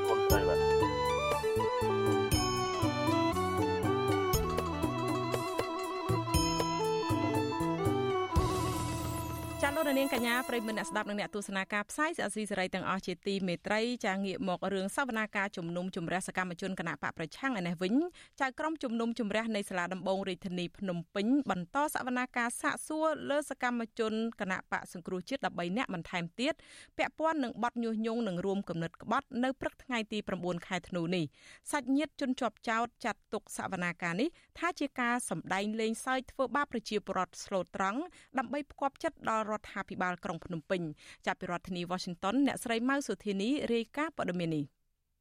សមត្ថកិច្ចបានដឹកសកម្មជន សង្គ្រោះជាតិដែលកំពុងជាប់ឃុំចំនួន13នាក់ដើម្បីចូលរួមសវនាការប៉ុន្តែចៅក្រមជំនុំជម្រះតឡាការក្រុងភ្នំពេញ លោករស់ពិសិដ្ឋសួរដេញដោជនជាប់ឃុំបានតែ3នាក់ទេ រួមមានលោកយឹមសារ៉េតលោកឈុនប៊ុនឆាតហើយនិងលោកជុំច័ន្ទ ដោយលើកមុនមុនដែរសំណួរភាកច្រើនរបស់ចៅក្រមគឺពាក់ព័ន្ធនឹងតំណែងតំណងជាមួយនឹងប្រធានស្ដីទីគណៈបកសង្គ្រោះជាតិលោកសំរងស៊ីអ្នកស្រីមូសុខួននិងលោកអេងឆៃអៀងហើយនឹងការគៀកោមនុស្សទៅចូលរួមក្នុងគម្រោងមេត្តាភូមិនិវត្តរបស់លោកសំរងស៊ីកាលពីខែវិច្ឆិកាឆ្នាំ2019ជាដើម សកម្មជនគណៈបកសង្គ្រោះជាតិលោកយឹមសារ៉េតបានឆ្លើយតបថាលោកបានស្គាល់លោកសំរងស៊ីប៉ុន្តែលោកមិនបានទៅទទួលនិងមានទំនាក់ទំនងជាមួយលោកសំរងស៊ីនោះទេពីព្រោះរវល់ប្រកបមុខរបរចិញ្ចឹមជីវិតចំណែកឯលោកឈុនប៊ុនឆាតនិងលោកជុំច័ន្ទវិញក៏បានឆ្លើយដូចគ្នានេះដែរលោកមេធាវីសំសុគង្គដែលកាន់ក្តីរឿងនេះឲ្យដឹងថាកូនក្តីរបស់លោកបានឆ្លើយសំណួរខ្លះនិងបដិសេធសំណួរខ្លះ ដោយសារតែពួកគេមិនបានចូលរួមសកម្មភាពអ្វីជាមួយថ្នាក់ដឹកនាំរបស់គណៈបពប្រឆាំងនៅក្រៅប្រទេសនោះឡើយលោកក៏បានបញ្ជាក់ថាចៅក្រមនិងតំណាងអាយកាសួរកូនក្តីរបស់លោកលំអៀងព្រោះភាកច្រើនជាសំណួរដាក់បន្ទុកច្រើនជាងដោះបន្ទុក ក្រមមេធាវីការពារយល់ឃើញថាសាវនាការព្រឹកមិញគឺសួរអង្គហេតុនឹងមិនពាក់ព័ន្ធទៅនឹងសកម្មភាពរបស់ពួកគេទេគឺមានការដាច់គ្នាហើយការចាប់ខ្លួនឬក៏ឃុំខ្លួនពួកគាត់នៅក្នុងពន្ធនាគាររហូតដល់សប្តាហ៍នេះគឺតកតនឹងបញ្ហាពួកគាត់និយាយកូវីដហើយជាពិសេសគឺពាក់ព័ន្ធទៅនឹងកប៉ាល់អន្តរជាតិមួយនៅខេត្តប្រសេនុហ្នឹងអញ្ចឹងតឡាការគាត់បានភ្ជាប់ជាមួយនឹងបញ្ហាកូវីដនេះទៅនឹងផែនការវិលត្រឡប់របស់លោកប្រធានសំស៊ីមកប្រទេសកម្ពុជាភ្លាមភ្លាមក្រោយពេលបញ្ចប់សវនកម្មនៅម៉ោងជាង11ថ្ងៃត្រង់សមត្ថកិច្ចបានដឹកជនជាប់ឃុំទាំង13នាក់តាមរថយន្តត្រឡប់ទៅមន្ទីរឃុំឃាំងវិញហើយតុលាការនឹងបើកសវនកម្មបន្តទៀតនៅថ្ងៃទី16ខែធ្នូសប្តាហ៍ក្រោយតឡាការបានបំបែកសំណុំរឿងនេះជា9សវនាការដោយហេតុថាសំណុំរឿងនេះមានជនជាប់ចោតច្រើនរហូតដល់42នាក់ តឡាការក្រុងបើកសវនាការរៀងរាល់ថ្ងៃប្រហ័សជាបន្តបន្ទាប់រហូតដល់ថ្ងៃទី27ខែមករាឆ្នាំ2022ប្រពន្ធជនជាប់ឃុំលោកស្រីអុកចន្ទធីដែលបានចូលស្ដាប់ក្នុងបន្ទប់សវនាការប្រាប់បច្ចុប្បន្នស៊ីស្រីថាលោកស្រីមិនអាចទទួលយកបានទេចំពោះសវនាការបែបនេះពីព្រោះអាជ្ញាធរបានចាប់ប្តីលោកស្រីនិងសកម្មជនផ្សេងទៀតដាក់ពន្ធនាគារដោយអយុត្តិធម៌ លោកស្រីក៏បានចាត់ទុកសវនាការនេះថាជាការបង្ក្រប់កិច្ចដើម្បីកំទេចសម្លេងអ្នកដែលមានមតិផ្ទុយពីរដ្ឋាភិបាលខ្ញុំទៅអង្គុយស្ដាប់សវនាការមកព្រឹកខ្ញុំនិយាយថាតឡាការជាតឡាការខាកលខោនយោបាយគាត់សួរគឺពាក់ព័ន្ធនឹងរឿងគណៈបកសង្គ្រោះជាតិទាំងអស់គឺអត់មាននិយាយអីក្រៅពី សួររឿងដេញដោលតែរឿងស្គាល់មេថ្នាក់ដឹកនាំសង្គ្រោះជាតិអីខ្ញុំគិតថាតឡាការនយោបាយតែម្ដងអត់មានតឡាការឯករាជ្យណាសម្រាប់កាត់ក្តីឲ្យជនរងគ្រោះដើម្បីទទួលបាននូវភាពយុត្តិធម៌អត់ទេវិទ្យុអសីស្រីមិនអាចតតងแนะនាំពាក្យសាលាដំបងភ្នំពេញលោកអ៊ីរ៉ានដើម្បីសុំអត្ថាធិប្បាយជុំវិញបញ្ហានេះបាននៅឡើយទេ នៅថ្ងៃទី9ខែធ្នូដោយទូរស័ព្ទហៅចូលតែពុំមានអ្នកទទួល សវនាការនេះមានការចូលរួមឃ្លាំមើលពីតំណាងទូតនៃប្រទេសលោកសេរីជាច្រើននិងតំណាងអង្គការសហប្រជាជាតិទទួលបន្ទុកសិទ្ធិមនុស្សក្រុមអង្គការសង្គមស៊ីវិលនិងសាច់ញាតិរបស់ជនជាប់ចោតច្រើនអ្នកចំណែកនៅខាងក្រៅរបងតុលាការវិញអាជ្ញាធរបានដាក់ពង្រាយកងសន្តិសុខច្រើនអ្នកស្របពេលដែលក្រុមគ្រួសាររបស់មន្ត្រីបពប្រឆាំងនិងអ្នកគាំទ្រជិត10នាក់ រងចាំលើកទឹកចិត្តជនជាប់ចោតក៏ប៉ុន្តែมันមានការប៉ះទង្គិចគ្នាដោយពេលមុនមុននោះទេជុំវិញរឿងនេះប្រធានសមាគមការពារសិទ្ធិមនុស្សអាត់ហុកលោកនេះសុខាមើលឃើញថាសវនាការនេះនឹងធ្វើឲ្យកម្ពុជាកាន់តែមានឈ្មោះអាក្រក់នៅលើឆាកអន្តរជាតិប្រសិនបើតឡាការនៅតែបន្តរឿងក្តីក្តាំនេះលោកក៏បានបញ្ជាក់ថាមានតែអ្នកនយោបាយទេដែលអាចសម្របសម្រួលដោះស្រាយបញ្ចប់រឿងនេះបាន។ស ង្គមស៊ីវិលស្នើឲ្យស្នើទៀតថាអ្នកនយោបាយគួរតែទុកកិត្តិយសឬក៏ទុកតម្លៃទៅដល់ប្រព័ន្ធយុត្តិធម៌យើងផងហើយគួរតែងាកមករកការផ្សះផ្សាគ្នាដោះស្រាយគ្នាខាងផ្លូវនយោបាយទៅវាប្រសើរជាងយើងយកប្រព័ន្ធតឡាការមករបៀបថាហាក់បីដូចជាយើងប្រើពាក្យមួយថាលេងសើចអញ្ចឹងណាអានេះវាធ្វើឲ្យបាត់បង់នៅតម្លៃបាត់បង់នៅកិត្តិយសភាពរបស់តឡាការទៅវិញទេ សាលាដំបងរាជធានីភ្នំពេញបានចោទប្រកាន់សកម្មជនបកប្រឆាំងចំនួន42នាក់នេះពីបទរួមកំណត់ក្បត់និងញុះញង់ពាក់ព័ន្ធនឹងដំណើរមាតុភូមិនិវត្តរបស់លោកសំរងស៊ីកាលពីចុងឆ្នាំ2019សំណុំរឿងញុះញង់និងរួមកំណត់ក្បត់នេះ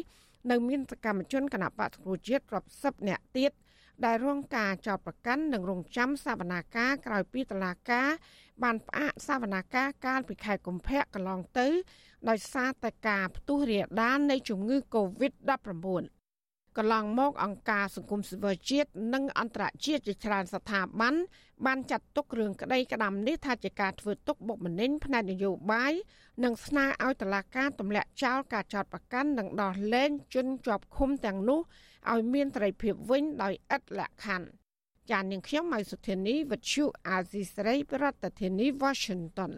ចាលោករនាងជាទីមេត្រីរដ្ឋាភិបាលលោកហ៊ុនសែនបានបង្ហាញចំហផ្ទុយពីសមាជិកអាស៊ាននិងអង្គការសហប្រជាជាតិរឿងគាំទ្ររបបសឹកភូមាដែលបង្កើតឡើងដោយរដ្ឋប្រហារយោធា លោកនាយករដ្ឋមន្ត្រីហ៊ុនសែននៅសប្តាហ៍នេះបានទទួលតំណាងរបបយោធាមកបំពេញទស្សនកិច្ចនៅកម្ពុជានិងក្រុងទៅប្រទេសភូមានៅដើមឆ្នាំក្រោយដើម្បីជួបមេរដ្ឋប្រហារយោធាលោកមិនអង្លាំង តើតកតងទៅនឹងបញ្ហានេះតើយើងនឹងមានកិច្ចពិភាក្សាមួយនៅបន្ទាប់ពីការផ្សាយរបស់នាងខ្ញុំនេះមាន30នាទីទៀតដើម្បីជជែកពិភាក្សាហើយយើងមានលោកមួងណារ៉េតជាអ្នកសម្របសម្រួលអំពីបញ្ហានេះហើយនាងខ្ញុំចង់ជំរាបសួរទៅលោកណារ៉េតសិនចាជំរាបសួរលោកណារ៉េតចាបាទជំរាបសួរអ្នកស្រីខែសំណងហើយជំរាបសួរលោកនាងដែលកំពុងតាមដានស្ដាប់នៅការផ្សាយរបស់វិទ្យុអស៊ីសេរីទាំងអស់ជាទីមេត្រីបាទចាលោកណារ៉េតតើបន្តិចទៀតនេះលោកនឹង យកជ្រុងណាច្បិចមកជជែកវិភាសានៅក្នុងកិច្ចវិភាសានេះជូនលោកនាងចា៎ អរគុណអ្នកស្រីខែសំណងយើងដឹងថានេះគឺជាលើកទី1ហើយនៅក្នុងប្រវត្តិសាស្ត្រអាស៊ានណាដែលអាស៊ានខ្លួនឯងហ្នឹងចាប់ផ្ដើមដែលមានប្រទេសប្រ៊ុយណេជាប្រធានហ្នឹងគឺហ៊ានអាកាត់ធ្វើយ៉ាងម៉េចហាមឃាត់មេដឹកនាំរដ្ឋបហាយោធានៅភូមិមានហ្នឹងមិនឲ្យចូលរួមប្រជុំធំធំច្រើនណាបើទោះបីជាធម្មនុញ្ញអាស៊ានហ្នឹងនិយាយពីរឿងការមិនជ្រៀតជ្រែកកិច្ចការផ្ទៃក្នុងផងខ្លួនអញ្ចឹងណាហើយមិនត្រឹមតែប៉ុណ្្នឹងមានអង្គការសហប្រជាជាតិហ្នឹងក៏ដាក់ទណ្ឌកម្មភូមិមានដែររឿង អាវុធរឿងអីកុំឲ្យប្រទេសដទៃអីលក់គ្រឿងសព្វាវុធទៅភូមាខ្លាចយកទៅសម្លាប់ប្រជាពលរដ្ឋភូមាដោយសារអំពើហិង្សាហើយសហភាពអឺរ៉ុបហ្នឹងក៏មិនគ្រប់គ្រងរដ្ឋាភិបាលភូមាបែរទៅជាគ្រប់គ្រងរដ្ឋាភិបាលសម្មាលអីអញ្ចឹងតែក្នុងពេលជាមួយហ្នឹងចិនលោកដៃយ៉ាងជ្រៅទៅក្នុងកិច្ចការអាស៊ានហ្នឹងប៉ុនប៉ងធ្វើម៉េចឲ្យទទួលស្គាល់រដ្ឋរដ្ឋាភិបាលសឹកយោធាហ្នឹងហើយកម្ពុជាហ្នឹងហាក់បីដូចជាដើរតាមលំនាំរបស់ចិនហ្នឹងដែរអញ្ចឹងអ្វីដែលយើងជជែកយប់នេះគឺតកតងថាតើ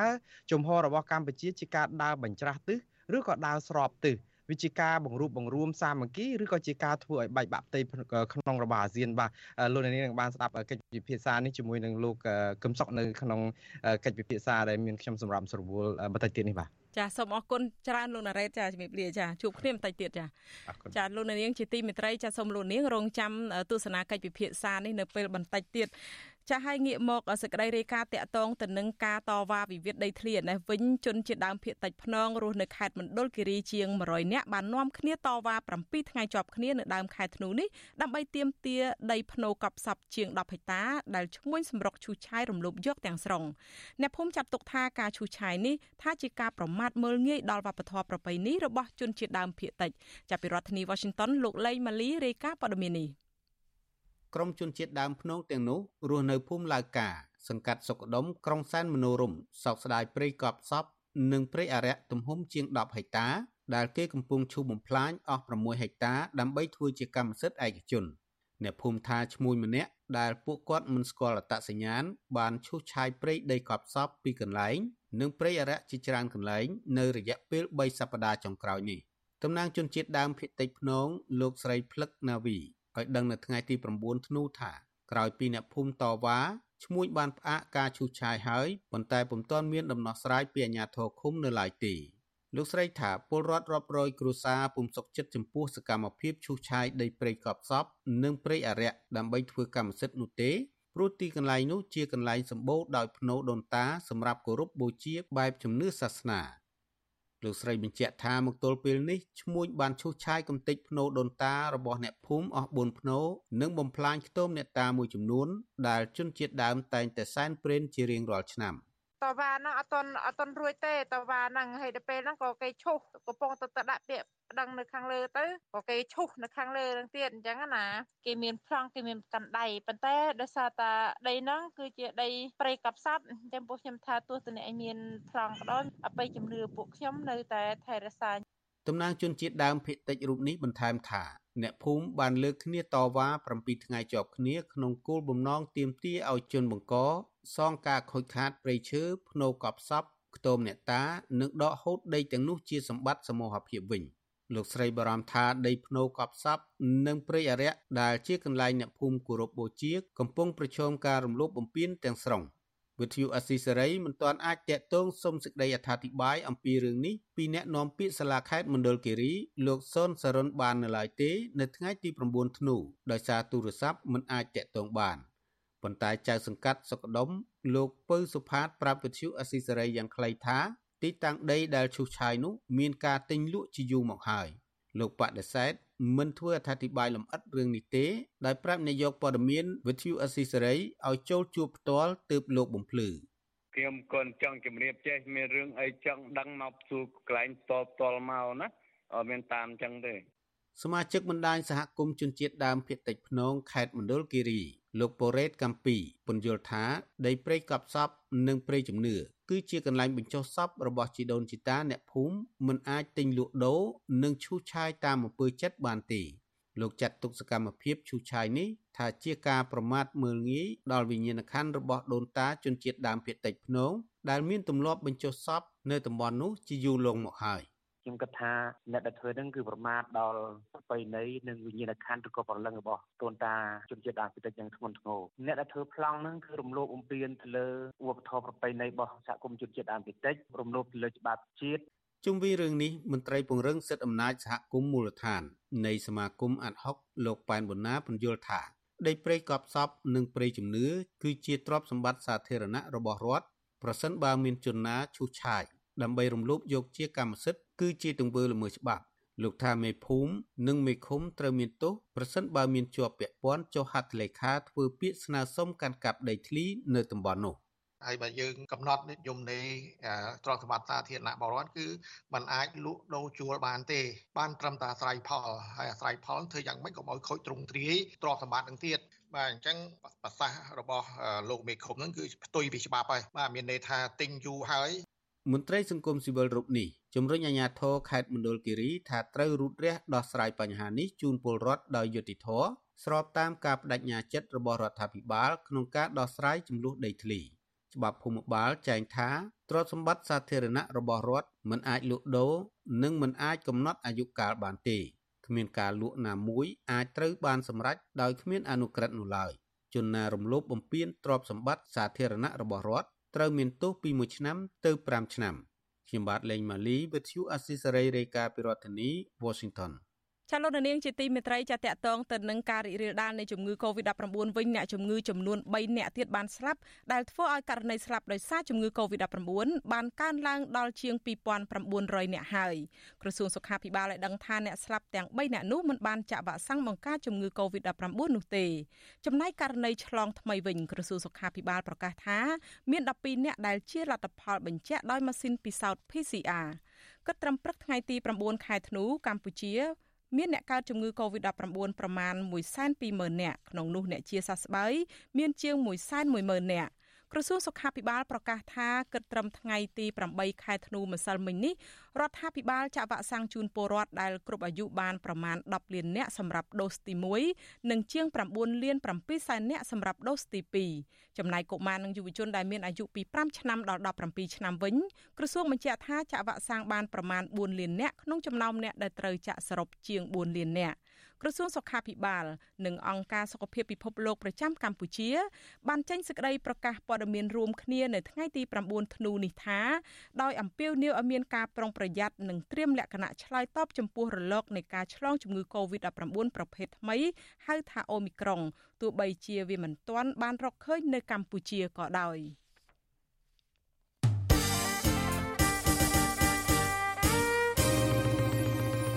ជាទីមេត្រីចាអ្នកវិភាគខ្លះអះអាងថាលោកហ៊ុនម៉ាណែតមិនមែនជាបុគ្គលដែលមានចរិយាសម្បត្តិល្អសម្រាប់ដឹកនាំកម្ពុជានៅពេលអនាគតឡើយពួកគេលើកឡើងថាលោកហ៊ុនម៉ាណែតទោះបីជាធ្លាប់សិក្សានៅប្រទេសលោកសេរីក៏ដោយក៏លោកនៅតែមានចរិតដឹកនាំដើរតាមគន្លងឪពុករបស់លោកតាមបែបផ្ដាច់ការឬស្លឹកឈើជ្រុះមិនឆ្ងាយពីគល់ដដែល ចុះសម្រាប់លោកសំរងស៊ីប្រធានស្ដីទីគណៈបកសង្គ្រោះជាតិដែលជាដៃគូប្រកួតប្រជែងដ៏ស្វិតស្វាញជាមួយលោកនាយករដ្ឋមន្ត្រីហ៊ុនសែនជាង20ឆ្នាំវិញតើលោកមើលឃើញបែបណាចំពោះបេក្ខភាពនាយករដ្ឋមន្ត្រីរបស់លោកហ៊ុនម៉ាណែតនេះចាសសូមលុននាងរងចាំទស្សនានិងស្ដាប់កិច្ចពិភាក្សាវិទ្យុវិនិតិវេទិកាស្ដាប់វិទ្យុអាស៊ីសេរី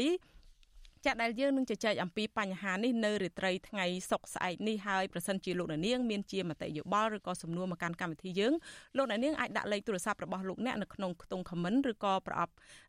សារ Messenger Facebook ឬក៏ខ្ទង់ comment YouTube ដែលកំពុងផ្សាយផ្ទាល់នេះហើយក្រុមការងាររបស់យើងនឹងហៅត្រឡប់ទៅលោកអ្នកនាងវិញចាសសូមអរគុណ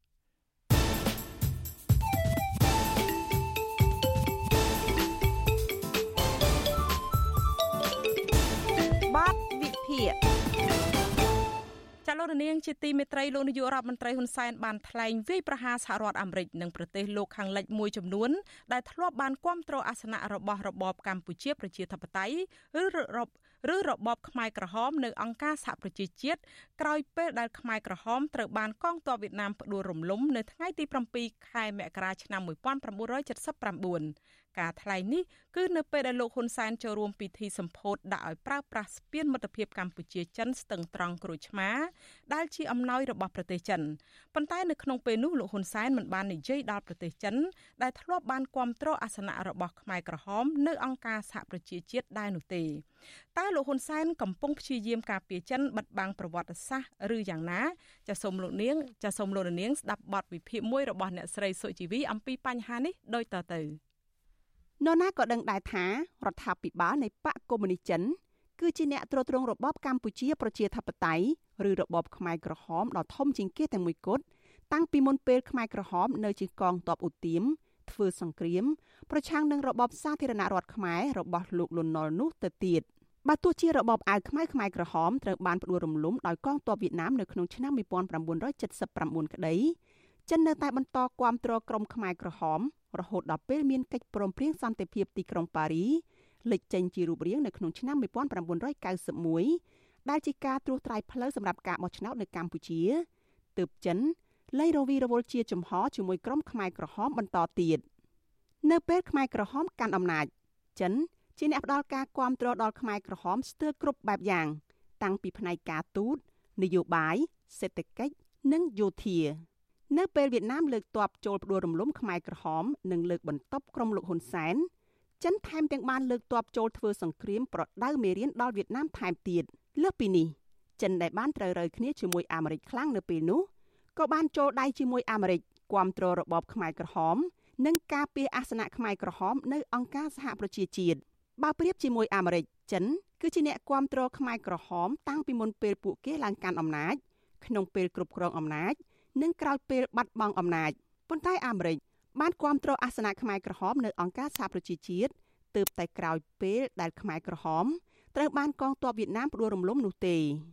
ទោះយ៉ាងណាក៏ដោយថ្លែងនៅថ្ងៃទី23ខែវិច្ឆិកា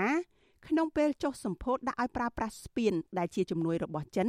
និងនៅចំពោះមុខឯកអគ្គរដ្ឋទូតចិនប្រចាំកម្ពុជាលោកហ៊ុនសែនបែរជាប្រលេះអាមេរិកនិងប្រទេសលោកខាងលិច ថាជាអ្នកគាំទ្រខ្មែរក្រហមនៅអង្គការសហប្រជាជាតិប៉ុន្តែលោកហ៊ុនសែនមិនបាននិយាយដល់ប្រទេសចិននោះទេបើទោះបីជាចិនធ្លាប់បានគាំទ្រខ្មែរក្រហមក្តីយើងគិតមើលចំណាយពេលប្រមាណឆ្នាំដើម្បីដោះស្រាយបញ្ហាខ្មែរសម្រាប់ខ្មែរមានបរទេសណាបង្ហាញការសោកស្ដាយថារដ្ឋប្រហារនោះនាំមកនៅសង្គ្រាមទេគេអត់ដែលបង្ហាញនៅការសោកស្ដាយណាមួយ នៅទង្វើដែលពួកគេបានធ្វើប្រទេសប្រជាធិបតេយ្យមួយចំនួនគ្រប់គ្រងរដ្ឋបហាយោធារបស់លន់នល់និងគ្រប់គ្រងអាសនៈរបស់ពួកលន់នល់នៅឯអង្គការសហប្រជាជាតិ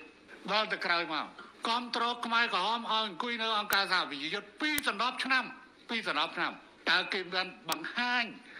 នៅការសោកស្ដាយណាមួយ នៅទង្វើដែលគេបានធ្វើប្រឆាំងនឹងការរស់រានមានជីវិតឡើងវិញរបស់ប្រជាជនកម្ពុជាទេ បើទោះជាលោកហ៊ុនសែនថ្លែងមិនអោយប៉ះពាល់ដល់ប្រទេសចិន ដែលជាមិត្តដៃថែបនៅពេលនេះក្តីប្រការដែលគេមិនអាចប្រកែកបាននោះដោយសារតែជំហរគាំទ្ររបស់ចិនចំពោះខ្មែរក្រហមលោកហ៊ុនសែនក៏ធ្លាប់បានធ្វើជាសត្រូវរបស់ចិនលោកហ៊ុនសែនអាចជាមេដឹកនាំរបស់កម្ពុជាម្នាក់ដែលធ្លាប់ស្អប់ចិនខ្លាំងជាងគេក៏ថាបានជាក់ស្ដែងនៅក្នុងសំណេរមួយនៅក្នុងឆ្នាំ1988លោកហ៊ុនសែនធ្លាប់វាយប្រហារនិងថ្កោលទោសប្រទេសចិន ថាជាឫសគល់នៃសោកនាដកម្មទាំងឡាយនៅកម្ពុជាប្រហែលជាដោយសារទស្សនៈអវិជ្ជមានខ្លាំងដែលលោកហ៊ុនសែនធ្លាប់មានចំពោះចិននេះហើយទើបគេឃើញថារបបសាធារណរដ្ឋប្រជាមានិតកម្ពុជា ដែលមានវៀតណាមជាបង្អែកនិងដែលមានលោកហ៊ុនសែនធ្វើជានាយករដ្ឋមន្ត្រីចាប់តាំងពីឆ្នាំ1985បានធ្វើទុកបុកម្នេញយ៉ាងខ្លាំងទៅលើជនជាតិចិននៅកម្ពុជា ដែលនៅសេសសល់ពីការស្លាប់នៅក្នុងរបបខ្មែរក្រហមនិងបានបង្ខំឲ្យជនជាតិចិនមួយចំនួន ត្រូវរត់ភៀសខ្លួនស្វែងរកការជ្រកកោននៅប្រទេសទី3ជាការពិតណាស់នៅក្នុងសម័យសាធារណរដ្ឋប្រជាមានិតកម្ពុជាសេរីភាពរបស់ប្រជាជនចិនឬអ្នកជាប់ខ្សែស្រឡាយចិនត្រូវបានរដ្ឋអំណាចរដ្ឋបិទតឹងតែងដែលសំបីតែភាសាជនជាតិរបស់ខ្លួនក៏មិនត្រូវបានរដ្ឋអំណាចអនុញ្ញាតឲ្យសិក្សានោះឡើយក្រៅពីនោះអ្នកដែលជាប់ខ្សែស្រឡាយចិនឬក៏កូនចៅចិនក៏ត្រូវរបបសាធារណរដ្ឋប្រជាមានិតកម្ពុជា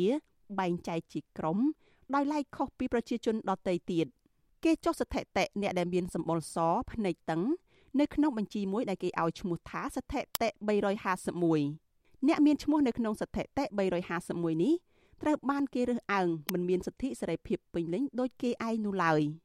ក្នុងនីតិជារដ្ឋមន្ត្រីការបរទេសនៃសម័យសាធារណរដ្ឋប្រជាមានិតកម្ពុជាលោកហ៊ុនសែន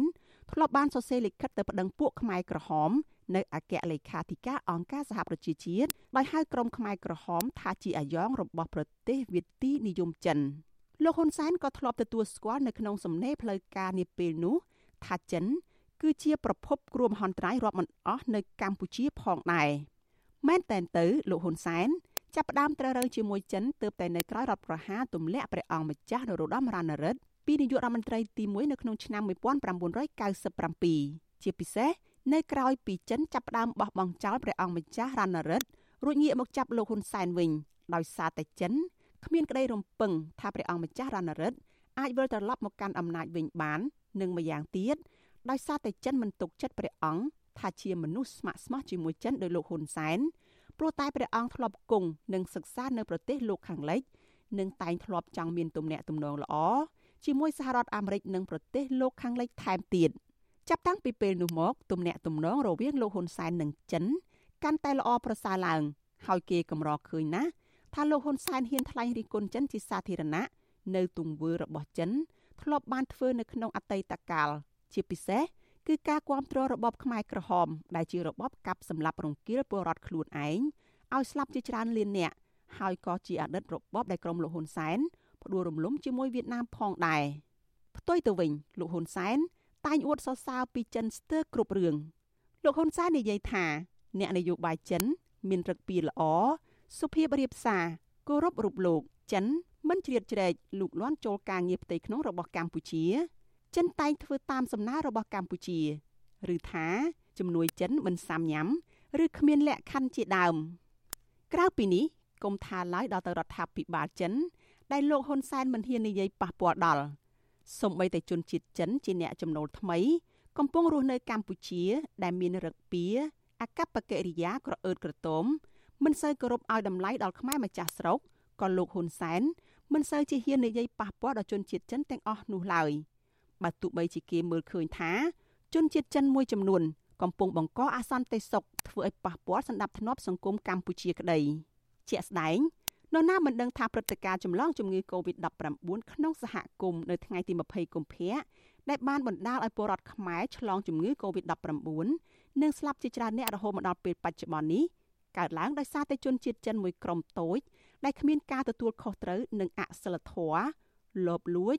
ចាក់ចេញពីមណ្ឌលចាត់តល័យស័កជួបជុំគ្នាស៊ីផឹកច្រៀងរាំចម្លងជំងឺទៅកាន់អ្នកដទៃប៉ុន្តែករណីទាំងនេះរដ្ឋាភិបាលកម្ពុជានិងលោកហ៊ុនសែន ស្ទើរតែមិនហ៊ានស្ដីបន្ទោសចំពោះជនជាតិចិន ដែលអសិលធម៌ទាំងអស់នោះឡើយជារួម គេសង្កេតឃើញថាលោកហ៊ុនសែនហាក់មានការប្រុងប្រយ័ត្នណាស់នៅក្នុងការនិយាយឲ្យប៉ះពាល់ទៅដល់មុខមាត់របស់ចិនបើទោះបីជាលោកធ្លាប់មិនពេញចិត្តចិនក្តីប៉ុន្តែក្នុងពេលជាមួយគ្នាគេតែងសង្កេតឃើញថាលោកហ៊ុនសែនមិនញញើតឡើយនិយាយវាយប្រហារឬរិះគន់សហរដ្ឋអាមេរិកនិងប្រទេសលោកខាងលិច ដែលធ្លាប់ធ្វើសកម្មភាពគ្រប់គ្រងខ្មែរក្រហម ប្រឆាំងនឹងរបបលោកហ៊ុនសែនហេងសំរិននៅក្នុងទសវត្សរ៍ឆ្នាំ1980ទាំងដែលគេដឹងថាចិនក៏បានចូលរួមសកម្មភាពជាមួយសហរដ្ឋអាមេរិកនៅពេលនោះដែរប្រការទាំងនេះហើយទើបគេមើលឃើញថាលោកហ៊ុនសែនហាក់ព្យាយាមលាក់កំបាំងការពិតនៃប្រវត្តិសាស្ត្រនិងគោលនយោបាយរបស់ចិនដែលជាអ្នកធ្លាប់គ្រប់គ្រងខ្មែរក្រហមប៉ុន្តែវាប្រហែលមិនមែនជារឿងចៃដន្យទេដែលលោកហ៊ុនសែន ព្យាយាមលាក់កំបាំងរឿងមិនល្អរបស់ចិននរណាក៏ដឹងដែរថាលោកហ៊ុនសែនកំពុងយកចិនធ្វើជាបង្អែកដើម្បីការពារអំណាចរបស់លោកនិងក្រុមគ្រួសារលោកដូច្នេះបើទោះបីជាចិនធ្លាប់ជាអ្នកគ្រប់គ្រងខ្មែរក្រហមនិងធ្លាប់ជាសត្រូវរបស់លោកហ៊ុនសែនក្តីក៏លោកហ៊ុនសែនត្រូវតែលួងលោមយកចិត្តចិនដើម្បីសម្រេចមហិច្ឆតារក្សាអំណាចខ្លួនឯងក្នុងពេលដែលលោកហ៊ុនសែនកំពុងប្រឈមនឹងសម្ពាធកាន់តែធ្ងន់ធ្ងរ ពីប្រទេសលោកខាងលិចដោយសារតែការដឹកនាំបែបផ្ដាច់ការរបស់លោកនាងខ្ញុំសុជីវីវិទ្យុអាស៊ីសេរីពីរដ្ឋធានី Washington ចាលោកនាងកញ្ញាប្រិមិត្តជាទីមេត្រីចាលោកនាងដែលកំពុងតែស្ដាប់ការផ្សាយរបស់យើង